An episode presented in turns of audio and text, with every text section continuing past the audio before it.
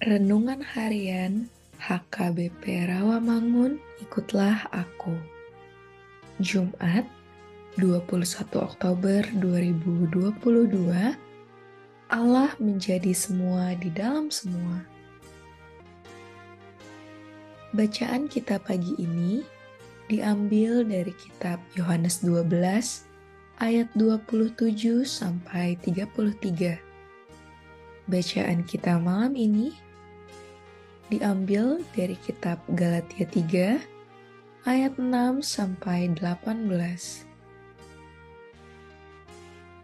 Dan kebenaran firman Tuhan hari ini akan kita dengarkan dari kitab 1 Korintus 15 ayat 28 yang berbunyi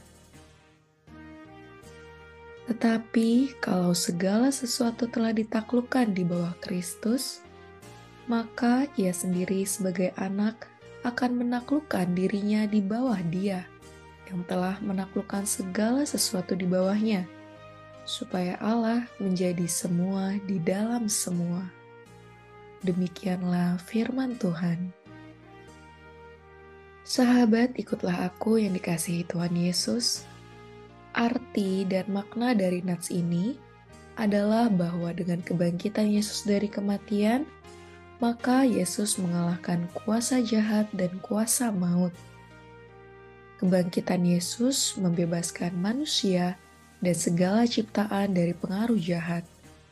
Yesus yang telah bangkit akan datang kembali di akhir dunia nanti untuk membangkitkan semua orang mati. Kebangkitan orang mati ini diikuti oleh penghakiman terakhir. Orang-orang jahat akan menerima akibat perbuatannya, namun orang-orang benar akan dimuliakan dan dibebaskan dari segala pengaruh jahat, di mana tidak ada lagi penderitaan dan maut, tidak ada lagi yang melawan Allah, sehingga Allah dapat meraja di dalam semua. Bagaimana keadaan rohani kita pada saat ini? Dalam pengakuan iman rasuli, kita percaya dan menyaksikan bahwa adanya kebangkitan orang mati di akhir zaman nanti. Iman itulah menjadi dasar kita bertindak untuk berdampak bagi dunia. Menjadi agen-agen Allah yang membawa berkat dan memancarkan terang Kristus di lingkungan keluarga di dunia kerja dan pekerjaan, sekolah, dan lain-lain.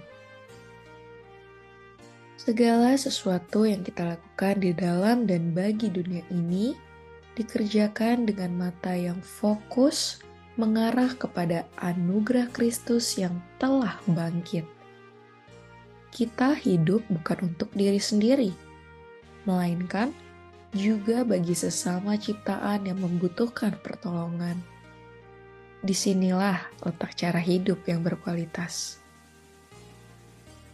Melalui kehadiran kita, orang lain dapat merasakan kehadiran dan menikmati kuasa kebangkitan Kristus. Pilihlah Dia dan raihlah hidup yang dibangkitkan di dalam Kristus hari ini juga. Marilah kita bersatu di dalam doa. Tuhan Yesus, tolong kami agar senantiasa taat kepadamu.